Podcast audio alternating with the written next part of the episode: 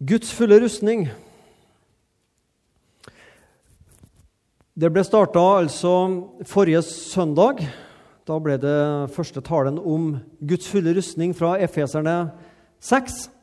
Og så vil jeg nå, noen da spormøter framover, så vil vi ta fram de forskjellige tinga som er i Guds fulle rustning. Og Det første som nevnes, det heter sannhetens belte. Dette står i Efeserne kapittel 6. Eh, bare, litt, bare litt innledningsvis om efeserne. Dem møter du i alle fall tre plasser i Bibelen. Du møter dem i Apostlenes gjerninger kapittel 19 og 20, der det står om da Paulus starta denne menigheten på andre og tredje misjonsreise. Så besøkte han efesermenigheten og starta den. Der, der, var det mange mennesker som levde av Der hadde de en gudinne som heter Artemis. Og så var det mange gullsmeder og sølvsmeder som laga noen sånne amuletter og, og statuer av denne gudinnen. Og så solgte de det. Og så kunne de preke om Kristus og at sant, må slutte med avgudene. Og så ble disse da, som tjente penger på dette, irritert på de kristne fordi de mista levebrødet sitt. Så det ble en kamp for de kristne pga. kampen mot denne gudinna og alt det førte med seg. Vi kan lese om efeserne i Åpenbaringa kapittel 2, vers 1-7 en av disse sju menighetene som får et brev, ikke fra Johannes, men fra Jesus. Og Det var den største menigheten, og de fikk bl.a. høre du har holdt ut, du har tålt mye for mitt navns skyld, og har ikke gått trett. Altså et smilefjes. Dere skal få en terningkast seks i deres kamp mot avgudsdyrkelse, mot forfølgelse, så har dere holdt ut. Dere har ikke gitt opp. Dere har stått på i trua for Jesus Kristus. Jeg gir dere en god terningkast der, for å bruke en sånn kanskje dumt bilde. Og så kommer det tristeste ordet i, som jeg syns i Bibelen. Nesten det tristeste. Men. Det starter med et 'men'. Men dette har jeg imot deg, at du har forlatt din første kjærlighet. De var ivrige på mange måter, efeserne, men så hadde de forlatt kjærligheten til Jesus Kristus. Og så da Efeserbrevet Nå skal jeg ikke bruke så mye tid på det å si hva som står i Efeserbrevet, men det er et veldig sterkt brev. Les det. Det er nok litt tungt her og der å lese, men Paulus snakker mye om hva vi eier i Kristus, hva vi eier i ham. Hele første kapittel handler om i ham har vi syndenes tilgivelse. I ham har vi arven. I ham har vi sånn og sånn og sånn. Alt vi eier som kristne i Jesus Kristus. Og Så kommer vi til kapittel 2, som vi skal bruke en del tid på i dag. og Der blant annet, er det mitt favorittbibelvers. For av nåde er dere frelst ved tro. Det er ikke deres eget verk, men det er en Guds gave. Det hviler ikke på gjerninger for at ikke noe menneske skal rose seg. Det verset som min konfirmantprest ga meg, da jeg gikk for presten en gang på starten av 1980-tallet, altså i forrige årtusen, det har fulgt meg hele tida siden. Det er kristendom. Av nåde er vi frelst ved tro. Og så da på slutten av Efeserbrevet, til slutt, sier han i kapittel 6, til slutt, bli sterk i Herren i Hans veldige kraft. Ta på Guds fulle rustning. Så kommer Paulus med noen tips, med noen gode råd til oss som kristne i vår hverdagskamp. Så hele Efesermenigheten sto i en kampsituasjon mot avguder. De sto også i en kamp mot å bli sløv og opptatt av gjerninga istedenfor Jesus Kristus. Og de måtte ha en kamp, og de hadde noen fiender som vi snart skal se. Og så kommer da vers 14.: Stå da ombundet, eller stå da klar med sannhetens belte om livet. Bli stående, vær klar til den kampen dere skal inn i. Og den kampen vi har, det er jo mot en fiende. Er det en kamp, er det en, en rustning vi skal ta på, så er det jo fordi det er en kamp mot en eller flere fiender. Hvor kommer fienden fra, og hvem er han? For vi har ikke en kamp mot kjøtt og blod. Oversatt til godt norsk du har ingen kamp mot naboen din. Det er ikke naboen din som er din fiende. Han skal vi elske og vise kristen nestekjærlighet til, sånn at han kan få et blikk av Jesus. Ikke naboen som er vår vi har kamp mot, men mot maktene, mot myndighetene, mot verdens herskere i dette mørket. Vi har en kamp mot verden. Alt i verden som er imot Jesus Kristus. Og så har vi mot ondskapens ånde her i himmelrommet, djevelen og hans demoner. Ta derfor Guds fulle rustning på, så dere kan gjøre motstand på den onde dag og bli stående etter å ha overvunnet alt. I klassisk kristen tenkning så er det tre fiender vi har. Den ene fienden det er djevelen. Det er han som her kalles eh, ondskapens ånde her i himmelrommet. Ingen av oss har sett han. Jeg håper ikke ingen av oss har sett han. Det er sikkert grufullt hvis noen har gjort det. men... Eh, nei, jeg håper aldri jeg får se han heller. Men jeg merker den. Sannelig, vi kan merke den, ja. Vi har kamp mot djevelen, vi har kamp mot verden. For så høyt har Gud elsket verden. Gud elsker menneskene. Men verden her betyr det og de personene i verden som er mot Jesus Kristus. Så du har en kamp mot djevelen og mot verden. Og så har vi én fiende til. Vi er veldig påpasselige som kristne hva vi tar inn av inntrykk, sånn at vi ikke skal ta inn synd og syndige ting. ikke sant? Det er en god holdning. Men deg, tenk nå den situasjonen. Du sitter i ei hytte på fjellet. Du har ikke med deg avis, du har ikke TV, du har ikke Internett. Du har til og med lagt fra deg mobilen hjem, så du kan ikke surfe på mobilen heller. Du har kun med deg Bibelen. Du sitter i ei hytte. Du har en bibel med deg. Det er alt du har. Alt du trenger å spise, får du inn ei luke, luke én gang i dagen. Og alt som skal ut, det går ut ei anna luke én gang for dagen. Du er altså totalt avstengt fra alt som heter negativ påvirkning ytre sett. Da var vi vel fri for kamp, da. Da var vi vel fri for en fiende, var ikke vi det? Når vi satt der, bare med Bibelen. Og så begynner du å kjenne inni deg sjøl så bobler det opp tanker og ting som ikke er så bra. For den verste fienden vi kjemper mot, det er ikke den som kommer utafra, men det er den som kommer innafra. Vi har en kamp mot verden, vi har en kamp mot djevelen, og vi har en kamp mot vår egen menneskenatur. I noen bibeloversettelser så står det 'kjødet'. Jeg liker bedre ordet 'menneskenatur'. Den syndige menneskenatur. Forstå meg rett i det jeg sier nå, men på én måte så er jeg min verste fiende. Og du er din verste fiende. Den største kampen og motstanderen den finner du i ditt eget hjerte. For der syder det og bobler det også av synd. Innenfra. Hva er sannhet for noe?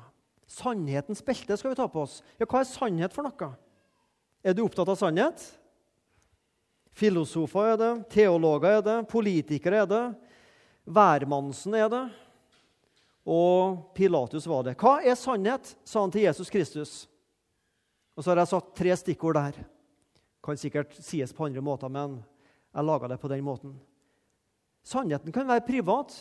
Ja, jeg mener det, og jeg tror det. og Det som er sant og rett for meg, det er ikke sikkert det er sant for deg, men meg er det sant for, og så er det noe annet som er sant for deg.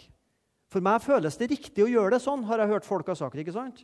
Jeg føler det rett for meg, men det er ikke sikkert det er rett for deg. Det er én plass vi skal bygge på følelser, og det er når det gjelder soling. Der må du bygge på følelser. Når du kjenner liksom at følelsene ikke er så gode der lenger, så må du slutte å sole deg. Der er en veldig grei plass å bygge på følelser. Men når det gjelder moral, så skal vi ikke bygge på magefølelsen eller følelser. En sånn privat sannhet ja, det er sant for meg, men noe annet er sant for deg. Det går ikke i lengden. Og så har jeg skrevet 'politisk' her. Sannhet, en politisk sannhet. Ja, altså det, det som politikerne og myndighetene bestemmer, det er rett. Og det er jo sant på mange måter. det. Hvis politikerne bestemmer en lov, så kan ikke jeg si nei, jeg er kristen, jeg er fri fra loven. liksom. Så jeg er fri fra alt politikere bestemmer. Jeg kan ikke ta den. Som et kristent menneske så er jo jeg bundet av statens lover og regler. Det er bare hvis vi drar det for langt og kommer til Nord-Korea og sånne regimer og datidens romerske rike som dette er skrevet inn i, der var det det keiseren sa. Det er lov. Sånn er det om du liker det eller ikke. Og hvis du ikke liker det, så er det valget mellom å godta det eller å bli et hode lavere. ja. Tilbedelse av keiseren. Og Mange kristne kunne selvfølgelig ikke være med på det. og fikk trøbbel av den grunn. En politisk sannhet eller en personlig sannhet. Det er forskjell på å være privat og å være personlig. Hva mener jeg med en personlig sannhet? Jo, det er det at vi som kristne sier det er én sannhet. Det er én kilde til sannhet, og den er åpenbart i Bibelen. Guds vilje, Guds ord, personifisert i Jesus Kristus. Han er sannheten. Han som sa 'Jeg er veien, jeg er sannheten, og jeg er livet'. Og denne sannheten, Bibelens ord, det er overgitt til Guds menighet, til de troende. Til deg og meg som kaller oss kristne, så er denne sannheten overgitt. Ja, faktisk så er det et så sterkt ord i 1. Timoteus en annen plass der, jeg tror det er 3.15, at menigheten er sannhetens grunnvoll. På denne menigheten så bygger Kristus sin sanne kirke. Sannheten. Du og jeg, vi som er samla her, vi er Guds menighet. Til oss er sannheten overgitt. Ikke alltid rett forstått, ikke alltid ekte levd ut, ikke alltid godt nok kommunisert til verden, men likevel Jesus Kristus, sannheten med stor S, er gitt til Guds kirke her på jord. Sannhet. Hva er sannhet? Det er ikke noe privat vi bestemmer hva som er sannhet. Det handler ikke først og fremst om hva politikere bestemmer at kirka skal mene. Det er faktisk noen politikere som gjerne ville gjort det hvis det var opp til dem. Men det er personen Jesus Kristus gitt til oss mennesker, til troende. Sannheten og sannhetens belte. Hva trenger vi et belte til? Her har jeg et belte. Det er for å holde buksa på plass. Det er for å hindre at jeg begynner å segge, og at buksa signer. Og hvis buksa detter av, så er i verste fall så blir det ganske pinlig å stå her. Det skjuler vår skam og nakenhet og sårbarhet. Og så holder det også magen på plass for enkelte av oss. Belte. Tok du den? Ja, belter er viktige. Damer, nå må dere spisse ørene. London Fashion Week 2010. Accessories. Da er store belter det er viktig. Her er gutten som er oppdatert på fashion altså, og på mote og sånne ting. Altså. Har du sett den før? Dolce og Gabbana. Jeg var i Syden her for en par år siden, i Tyrkia. Der solgte de sånne merkevarer faktisk ganske billig. Helt utrolig, altså. Dolce og Gabbana og Gucci og Armani og Prada. Det var så utrolig billig de solgte sånne merkevarer i Tyrkia. Helt overveldende hvor billig det var. Jeg hadde så lyst på et sånn Prada, sånn, skikkelig sånn svær Prada. vet du. Jeg ser at Til og med paven hadde noen sånn Prada-sko. sånn tenkte jeg, Det er kult. det, så. Har paven det, så kan jeg òg ha det. liksom, tenkte jeg. så jeg gikk og sikla på det der, og kona sa kan du tenke deg, du kommer liksom i misjonssalen med sånn svært sånn motebelte Prada. Eh? Tror de hører hva du sier? Ser bare på beltet ditt, vet du. så som ellers i livet, jeg lytter til kona, så jeg kjøpte ikke Prada-beltet. Nå var Helge og meg vi var på en sånn byarbeidersamling i Sambandet her i Oslo i uka som var. Og der kom det altså en ung lærer fra Fjellhaug misjonshøgskole. Fra Fjellhaug misjonshøgskole. Og satte seg i en stol og skulle ha et foredrag for oss byarbeidere. Og han altså, kom med dette Dolce og Gabbana. Svært, vet du. Hæ? Satt han i stolen og sånn, la merke til. Jeg husker ingenting av det han sa. Han la bare merke til det store, store beltet. Ikke nok med at han hadde store DOG-belte. Han hadde hvite sko som det sto DOG på. Om jeg var sjalu? Nei da, på ingen måte. Så Er man 40 år, så går man ikke sånn. Altså, men han var i 30-åra og gikk sånn ennå. Kan du tenke deg. Ja, det fins mange belter. Dette er litt sånn kule belter. De beltene som kommer opp nå, dem eh, håper jeg ingen av oss noen gang kommer til å bære.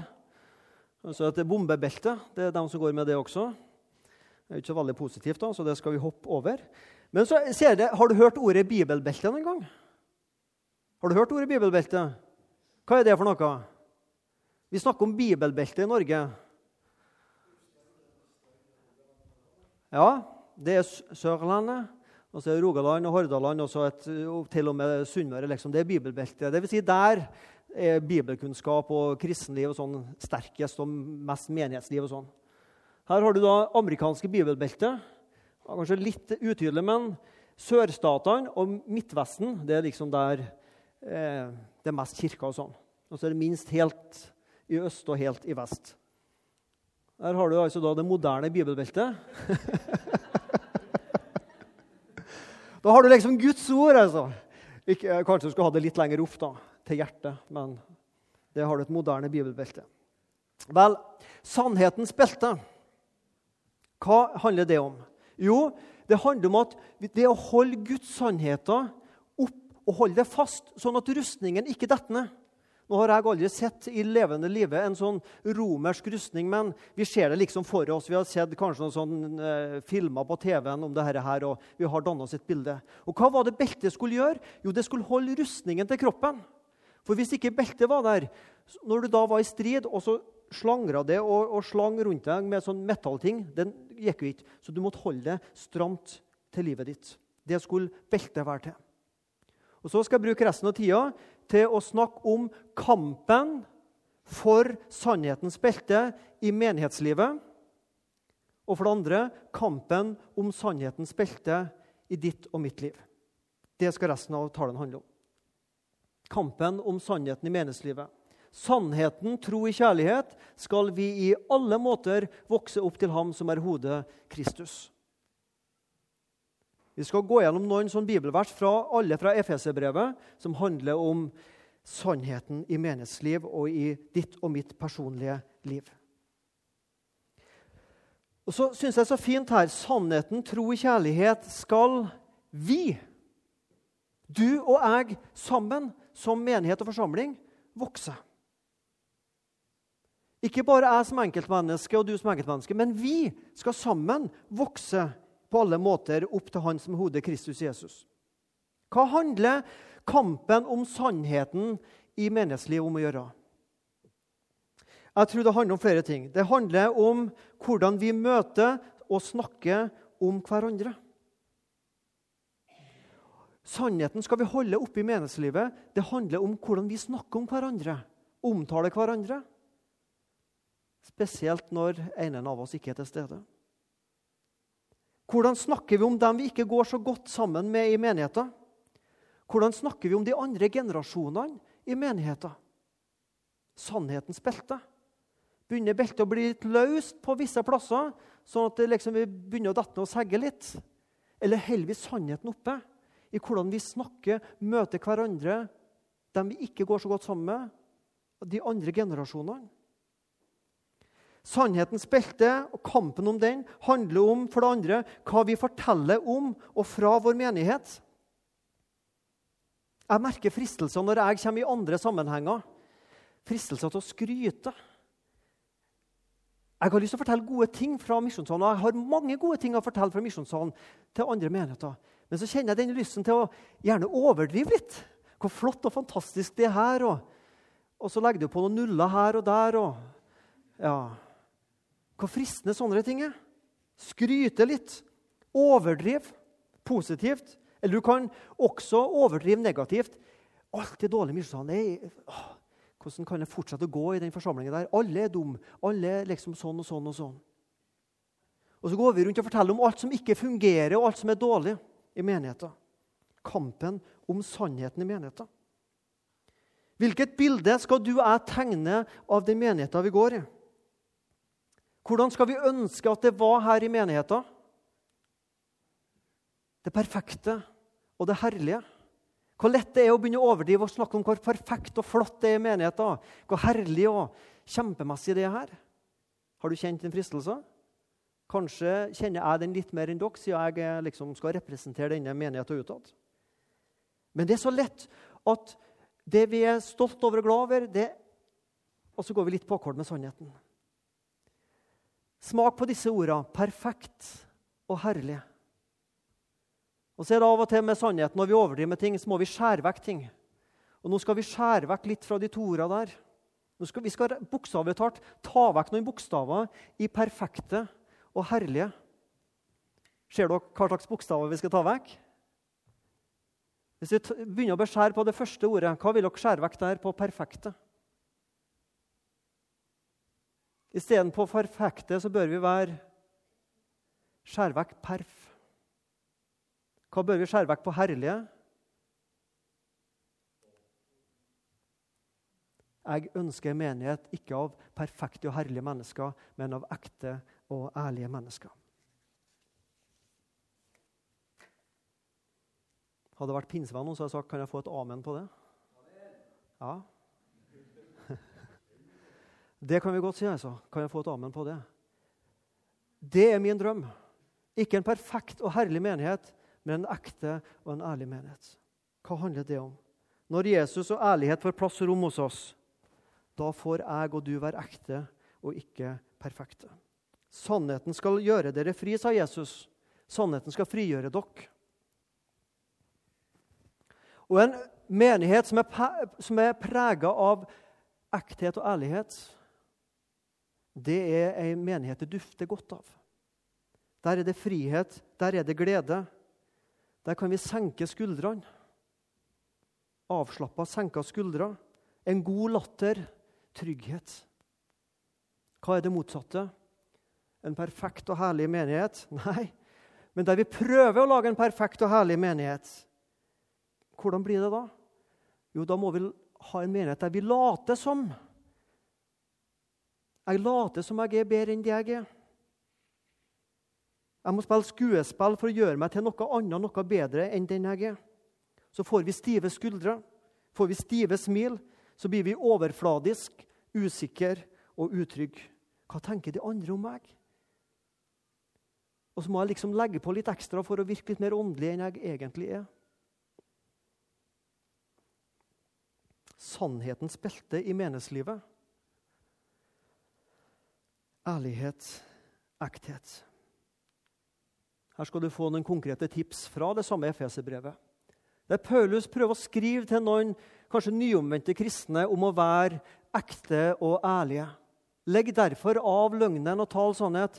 Ikke lat som du er noe annet enn det du er. Vær ærlig og tal sannhet. Vær med sin neste, for vi er hverandres lemmer. Ok, Av og til må vi bli sint, men pass på så du ikke synder når du blir sint. La ikke solen gå ned over deres vrede. Gi ikke djevelen rom. Ser du fienden? og djevelen som kommer. La ikke råtten snakk gå ut av deres munn, men god tale som er nødvendig til oppbyggelse, og som blir til velsignelse for dem som hører på. Her er jo ikke en overdrivelse, men her er det, vi kan også bruke altså munn til det som råttensnakk. Vær gode mot hverandre, vis barmhjertighet, så dere tilgir hverandre, liksom Gud har tilgitt dere i Kristus.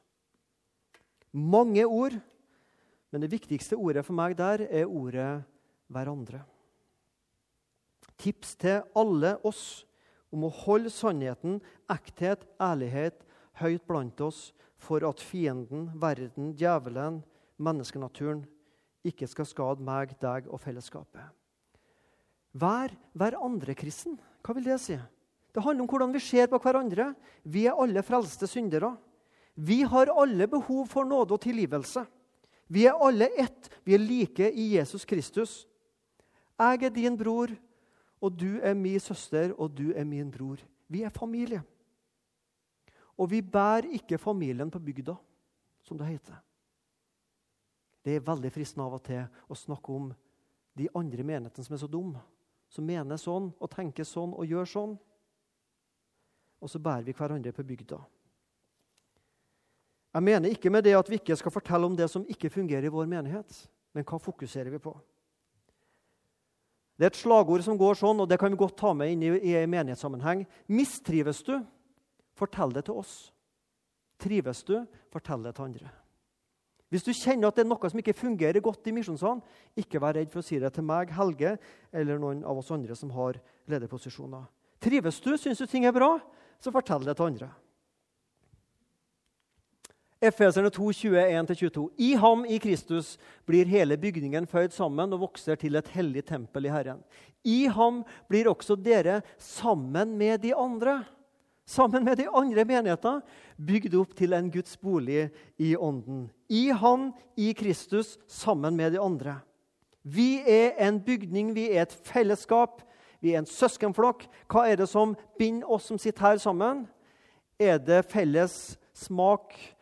eh, matsmak, musikksmak, klær, motesmak? Er det flere som liker Gucci bedre enn Armani her? For så? Aha. Akkurat, ja. Du er ikke min venn, nei. Er det det som holder oss sammen? Er det interesser? Er det politiske meninger? Nei, det er én ting som holder oss sammen. Det er Jesus Kristus og hans person. At vi har møtt Jesus Kristus, blitt frelst, blitt søsken. Vi skal tilbringe evigheten sammen. La oss begynne å øve oss på det allerede her på jorda. Jeg trenger deg, du trenger faktisk også meg. Og begge så trenger vi Jesus Kristus. Det er min drømmekirke. Det er kampen om sannhetens belte i menighetslivet. Ærlighet og ekthet. Og så litt til slutt Ja, litt. En del til slutt. Kampen om sannheten i mitt liv. Nå skal vi være personlige. Og du skal få tre i-er. Den første tingen handler om, det er identitet. Kampen om å holde sannheten oppe i vårt personlige liv, det handler om identitet. Hvem jeg er, og identitet hvordan jeg ser på meg sjøl. Efeserne 2.1-3. Også dere nå, snakker han til kristne. Også dere har eh, Jesus gjort levende, dere som var døde ved deres overtredelser og synder. I disse syndene altså vandret dere før på denne verdens vis, etter høvdingen over luftens makter, den ånd som nå er virksom i vantroens barn. Også vi vandret alle blant dem i vår kjøds lyster, eller menneskenaturen sine lyster. Og vi gjorde menneskenaturen og tankenes vilje. Vi var av naturen så står det altså ikke Guds barn. Men det står at vi av naturen var vredens barn, liksom de andre. Det er min og din identitet uten Jesus Kristus. Det er sannheten om mennesket slik vi er i oss sjøl. Og Denne sannheten tror jeg også vi trenger å stramme til av og til. Og at ikke den glipper for oss. For det er sannheten slik vi er i oss sjøl åndelig døde, overtredelser, synder, av naturen vredens barn. Vi er sånn vi er i oss sjøl, syndere. Livet mitt uten Jesus Kristus. Alle mennesker er syndere og elsker egentlig mørket. For synd og ondskap er avhengig av mørket for å bli holdt skjult og for å overleve. I oss selv er vi alle døde. Dette er fienden innenfra, menneskenaturen, som drar meg bort fra Kristus. Det er din og min identitet i oss sjøl uten Kristus. Men så møtte vi Kristus, og så har vi fått en ny identitet. og Det fortsetter han med i vers 4 og 5. Men Gud, som er rik på miskunn, har på grunn av sin store kjærlighet, som han elsket oss med, gjort oss levende med Kristus. Vi som var døde ved våre overtredelser, av nåde er dere frelst. Ikke sikkert du la merke til det, men i det første verset her så snakker Paulus i fortid. Det var, det var vår identitet før vi møtte Kristus. Men nå, men nå så er vi gjort levende, vi som var døde. Sannheten om mitt liv og ditt liv som kristen hvem jeg er, min nye identitet etter å ha møtt Jesus. Jeg er en ny skapning, jeg er et nytt menneske, og jeg har fått på meg en rustning, en kamprustning, og jeg har fått på meg en frelsesrustning som heter rettferdighetens kappe. Fest sannhetens belte rundt rettferdighetens kappe. Det handler om vær bevisst hvem du er som en kristen. Les disse ordene, bekjenn disse ordene, si dem høyt. I ham så er jeg tilgitt. I ham så er jeg en ny skapning. I ham så er jeg Guds arving. Alt dette er jeg og har jeg i Jesus Kristus. Det er min nye identitet. Det er en sannhet som jeg vil holde inntil min kropp som en identitet.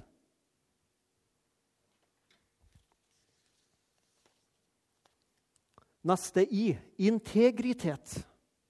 Integritet. Og Da er vi inne på hverdagslivet som kristen. Sannhetens belte. Å holde oppe et kristenliv prega av redelighet, ærlighet, åpenhet, integritet. Der det er samsvar mellom liv og lære. Har du hørt det uttrykket her? Jeg håper ingen vil si det om mitt liv. Og jeg tror heller ikke du håper vil si dette, noen vil si dette om ditt liv. Hjelp, jeg hører ikke hva du sier for noe, for livet ditt roper for høyt. Tenk hvis noen har sagt det om meg, og var, tenk om det var sannheten om meg.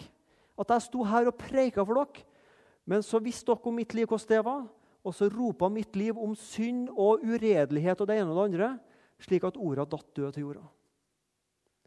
Sannhetens belte handler om integritet.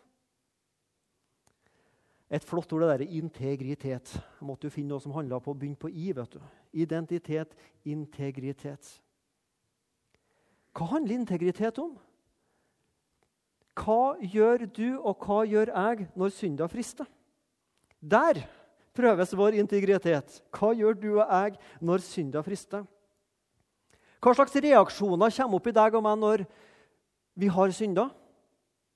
Da er det mange ting som bobler opp fra gammel-Adam, som vi kaller den. Vi begynner å unnskylde oss. Vi fornekter synda. Vi bortforklarer synda. Og vi skylder på andre, kvinnen som du ga meg, som Adam sa. ikke sant? Vi sammenligner oss. Ja, jeg er jo ikke verre enn den, og jeg er jo bedre enn den. Vi, eller vi innrømmer de mindre syndene. Hvis du har gjort en stor synd, har du da kjent hvor godt det var å innrømme ja, ja, men jeg, jeg, at du er en liten synd? ikke sant? Det var jo lett å innrømme. Men de store syndene, som går på integritet Nei. Eller vi lever et dobbeltliv. Du lever ett liv for mor og far din og i menigheten, men så lever du et annet liv når du er for deg sjøl og ingen ser deg. Dobbeltliv. Du skal få et spørsmål her som ingen av oss skal svare på, men som du kan bære med deg. Når du møter, altså blir frista til synd, så kan du stille dette spørsmålet. Ville jeg gjort dette hvis jeg visste at ingen noen gang fikk vite om det? Du ble frista til å gjøre en konkret syn. Vil jeg gjøre denne tingen hvis jeg er ganske sikker på at ingen noen gang kommer til å få vite om at jeg har gjort det? Hvis ingen ser meg, ingen hører meg, ingen får vite om det, vil jeg da likevel gjøre det? Hvis jeg er ganske sikker på at ingen oppdager at jeg sniker på toget eller bussen Hvis ingen gang får vite at jeg var inne på akkurat den internettsida der og så på det der Vil du likevel se på det, eller vil du skru av? Hvis jeg var sikker på at ingen fikk vite at jeg tok noe som ikke var mitt, og laste ned og kopiere en datating som jeg egentlig skulle ha betalt for Det handler om integritet. Og så begynner vi sakte, men sikkert å slakke litt på sannhetens belte.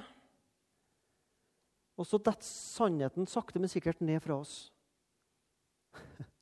Jeg har ikke sett så mange ennå i misjonssalen, sånn, men jeg hender av og til ser noen tenåringer som segger. vet du. De har ræva langt nedpå knærne. De har jo ned på knærne, rett og slett. Når jeg ser sånne helt skutter, da, da får jeg av og til lyst til å gå bort og så gå bakfra og så ta, i, og så ta opp liksom buksa og så stramme til beltet skikkelig. Det er flere som får lyst til å gjøre det når det skjer noen som segger. Jeg har aldri gjort det, kommer aldri til å gjøre det, men jeg har lyst til å gjøre det av og til. Men av og til så fristes vi til å litt, segge litt med sannheten. Den siger litt nedover fra oss. Fristelsen var for stor. Og av og til så detter beltet av, og buksa detter ned. Og så går man helt på kompromiss med sannheten. Nå kunne vi vært frista til å bli litt konkret her. Det skal jeg ikke gjøre. Men hvis du har fulgt med i fall litt i mediebildet og kristenfronten siste uka, så har du i fall fått med deg at det er en som har skrevet ei bok om hvordan han bokstavelig talt gjorde når han slakka på sannhetens belte. og Det datt ned både det ene og det andre. En sogneprest i Oslo sier ikke noe mer om det. Men vi kan bli frista til å slakke på sannhetens belte, og så går integriteten ut. Det er flott å ha prinsipper. Og vet du, jeg, jeg har mest respekt for de menneskene som har prinsipper, sjøl om jeg kan være uenig i dem. Som står på prinsippene sjøl om det koster dem mye. Og sjøl om de opplever at nå var det noen i min familie som det var sånn og sånn med, da var det fristende å skifte en mening, for nå var det meg og mine det gjaldt. Men likevel tør å ha noen prinsipper sjøl når det koster for sin egen del, og når det er meg og mine det gjelder. De menneskene syns jeg det er grunn til å beundre integritet. Inderlighet. Inderlighet, så er inderlighet. Helt i slutten på Efeserbrevet Be til enhver tid ånden med all bønn og påkallelse. Vær årvåkne i dette og med all utenholdighet i bønn for alle de hellige. Be også for meg at det må bli gitt meg ord når jeg åpner min munn, så jeg med frimodighet kan kunngjøre evangeliets hemmelighet. For denne er jeg sendebud i lenker, slik at jeg kan være frimodig i ham og tale som jeg bør. Sannhetens belte handler også om inderlighet, og inderlighet et annet ord for bønn. I denne vandringa vi nå skal ha i disse åndelige rustningene som Gud har gitt, så er det bare forsvarsting. Men vi har fått to angrepsvåpen som kristne. Vi har fått Guds ord, og så har vi fått bønna. Det er på en måte vårt angrepsvåpen. Det er Bibel, og det er bønn. Og Her skriver Paulus om bønn blant de kristne. Be for oss sjøl, be for alle de kristne og be for talere og ledere som skal åpne sin munn og forkynne evangeliet. Be til enhver tid i ånden, i årvåkenhet og utholdenhet. Smak på det ordet 'bønnens våpen'. Høres kanskje litt sånn sjølmotsigende ut. Men det det handler om, det er å be for andre mennesker.